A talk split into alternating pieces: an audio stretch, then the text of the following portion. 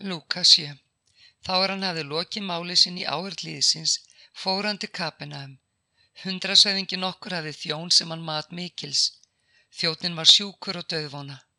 Þegar hundrasöðingin heyrði um Jésu, sendi hann til hans öldunga geðinga og bað hann að koma og bjarga lífi þjónsins. Þeir komið til Jésu báða hann ákaft og sögðu. Verður er hann þess að þú veitur honum þetta, því hann elskar þjóðvora og hann hefur reist samkunduna handa oss. Jésús fór með þeim og þegar hann átti skamt til húsins, sendi hundrasöðingi vini sína til hans og let segja við hann. Ómaka þig ekki, herra, því að ég er ekki verðu þess að þú gangir inn undir þak mitt. Þess vegna hef ég ekki heldur talið sjálf á mig verðan þess að koma til þín. En mæl þú eitt orð og mun sveit minn heil verða, því að sjálfur er ég maður sem verða lúta valdi og ræði við hermunum og ég segi við einn, far þú og hann fer, og við annan kom þú og hann kemur, og við þjón minn gjör þetta og hann gjörir það. Þegar Jésu heyrði þetta, förðaði hann sig á honum, snýri sér að mannfjöldanum sem fyllt honum og mælti. Ég segi yfir ekki einu sný Ísrael hef ég fundið því líka trú. Sendi menn snýru þó aftur heim og fundið þjónin heilan heilsu. Skömmið síða bar svo við að Jésu hjælti borgar sem heiti Næin og lærisveinar hans fóru með hon og mikill mannfjöldi. Þegar hann nálgæðis borgarliðið þá var verið að bera út látin mann, enga svon móðu sinnar sem var ekja og mikill fjöldi úr borginni var með henni. Og er drottin sá hana kendi hann í brjóstum hana og sagði við hana, grátu eigi. Og hann gekk að og snart líkbörurnar en þeir sem báru námu staðar. Þá sagðan, ungi maður, ég segi þér, rýst þú upp. Hinn látni settist á upp og tók að mæla og Jésu gaf hann móður hans. En ótti greip alla og þeir veksumuðu Guð og sögðu Spámaður mikill er risin upp meðalvor og Guð hefur vitjað líðsins og þessi fregnum hann barst út um alla jútiðu og allt nágrænið. Lærisvinnar Jóhannes að sögðunum frá þessu öllu. Hann kallaði þá til sín, tvo lærisvinna sína, sendi þá til drottins og létt spyrja. Er þú sá sem koma skal eða eigum við að vænta annars? Mennitni fóru til hans og sögðu, Jóhannes skýrari senda okkur til þín og spyr, er þú sá sem koma skal eða eigum við að vænta annars? Á þeirri stundu læknaða marga af sjúkdómum, meinum og yllum öndum og gaf mörgum blindum sín og hann svaraði þeim.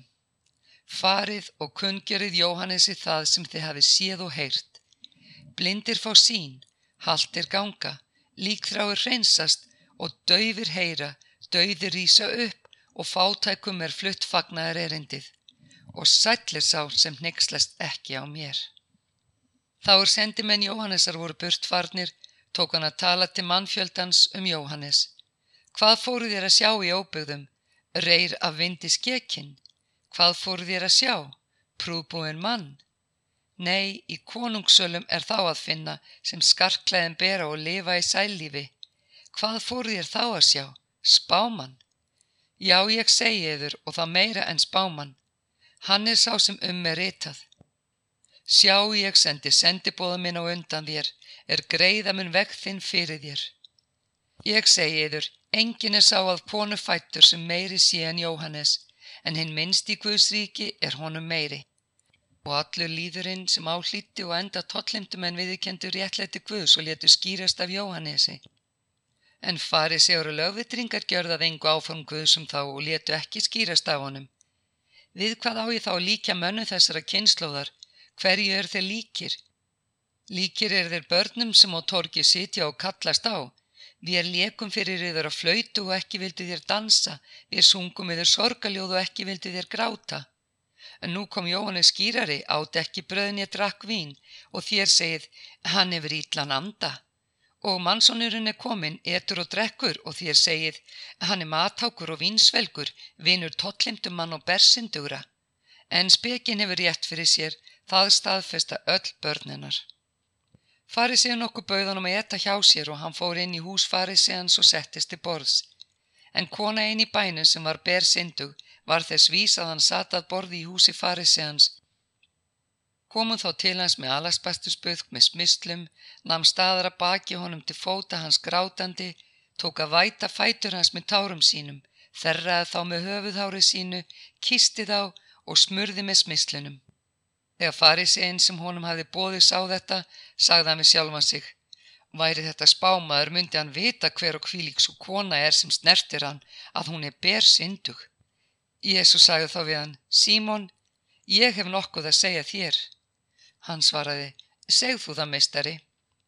Tveir menn voru skuldir lánveitanda nokkrum, annars skuldað honum 500 denara en hinn 50.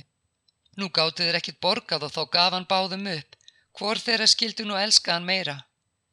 Símon svaraði, sá higgi sem hann gaf meira upp. Jésu sagði við hann, þú álíktaði rétt. Síðan snýr hann sér að konunni og sagði við Símon, sér þú konu þessa, ég kom í hús þitt og þú gafst mér ekki vatna fætur mína, en hún vætti fætur mína tárum sínum og þerraði með hári sínu. Ekki gafstu mér koss, en hún hefur ekki látið af að kissa fætur mínar allt frá því ég kom. Ekki smurðið þú höfuð mitt mólíu, en hún hefur smurt fætur mína með smislum. Þess vegna segi ég þér, hinnar mörgu syndur hennar eru fyrirgefnar, enda elskar hún mikið, en sá elskar lítið sem lítið er fyrirgefið. Síðan sagðan við hana, syndir þínar eru fyrirgefnar. Þá tóku þeir sem til borð sátu með honum að segja með sjálfum sér, hver er sá er fyrirgefu syndir? En hann sagði við konuna, trúð þín hefur frelsað þig, far þú í friði. Lukas 8 Eftir þetta fór hann um borgur borg og þorpur þorpi og pretikaði og flutti fagnæðarindið um Guðs ríki. Með honum voru þeir tólf og konu nokkrar er læknaðar hafðu verið að vítlum öndum og sjúkdómum. Það voru þeir Marja köllu Magdalena er sjö yllir andar hafðu farið úr, Jóhanna kona Kúsa Ráðsmanns Herodesar, Súsanna og margar aðrar. Þær hjálpuðu þeim með fjármunum sínum. Nú var mikill fjöldi saman komin og menn komið til hans og hverju borg af annari. Þá sagðan þess að dæmasögu. Sáðmaður gekk út að sá sæði sínu og þá er hann sáði, fjell sumt hjá göttunni og varð fótum tróðið og fugglar heimins átuðað upp. Sumt fjall á klöpp og það spratt en skrælnaði af því að það hafði ekki raka. Og sumt fjall meðal þyrna og þyrnarnir spruttu einni og kæfðu það. En sumt fjall í góðajörð, ógs upp og bar hundrafaldan ávöxt. Að svo mæltu hrópaðan. Hver sem eiru hefur að heyra, hann heyri. En lærisveinar hann spurðan hvað þessi dæmasaga þýtti. Hann sagði. Yður er gefið að þekkja leindadóma Guðsríkis, hinir fá þá í dæmisögum að sjáandi sjáu þeir ekki og heyrandi skilji þeir ekki. En dæmisaga því þetta. Sæðið er Guðs orð, það er fjall hjá götunni, merkir þá sem heyra orðið, en síðan kemur djöfullin og teku það burt og hjarta þeirra til þess að þeir trúi ekki og verði hólpnir. Það er fjallaklöppin að merki þá sem taka orðinu með fögnuði, er þeir heyra það en hafa enga rótfestu, Þeir trúa um stund en falla frá á reynslu tíma. Það er fjall meðal þyrna merki þá er heyra en kapna síðan undir áhyggjum, auðafum og nöytnum lífsins og bera ekki þróskaðan ávöxt.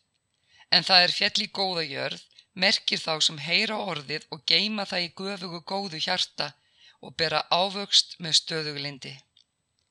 Engin kveiki ljós og byrgir það með keri eða setur hindi bekk heldur láta menn á ljósastíku að þeir sem inni koma sjáu ljósið. Því að ekkert er hulið sem eigi verður ofinbert, nýja lengt að eigi verða kunnugt og komi í ljós.